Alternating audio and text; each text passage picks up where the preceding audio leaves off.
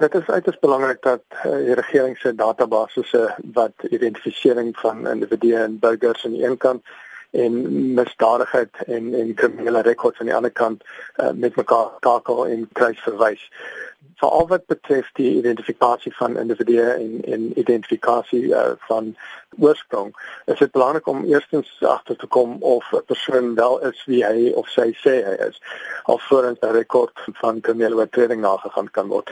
Uh, indien hierdie database nie met mekaar kommunikeer nie, word dit baie makliker vir individue om weg te kruip agter byvoorbeeld vals identiteit dit dan baie moeiliker maak om um, kriminele rekord na te gaan. Watter ander nadele is ook hieraan verbonde? Skep eerstens die vermoë vir individue om uh, agter 'n valse identiteit weg te kruip. Dit maak dit moeilik vir vir die polisie, die Suid-Afrikaanse Polisie diens om hulle werk te doen wat kriminele rekord nagaan betref.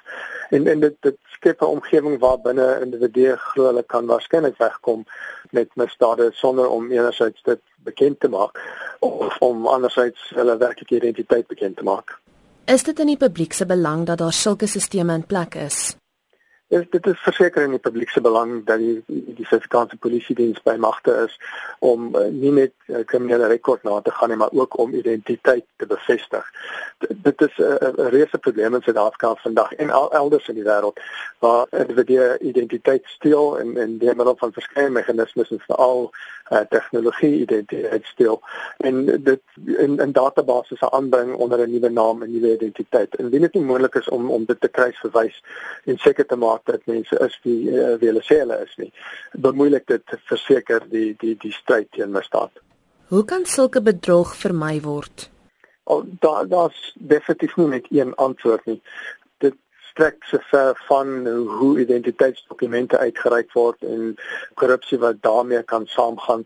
Die mate waartoe individue toegang het tot databasisse om databasisse te kan wysig en veranderinge te kan aanbring. Maar ook individue wat uh, onwettig uh, betrokke is by die die skep van identiteit en en die verkryging van onwettige en valse identiteit.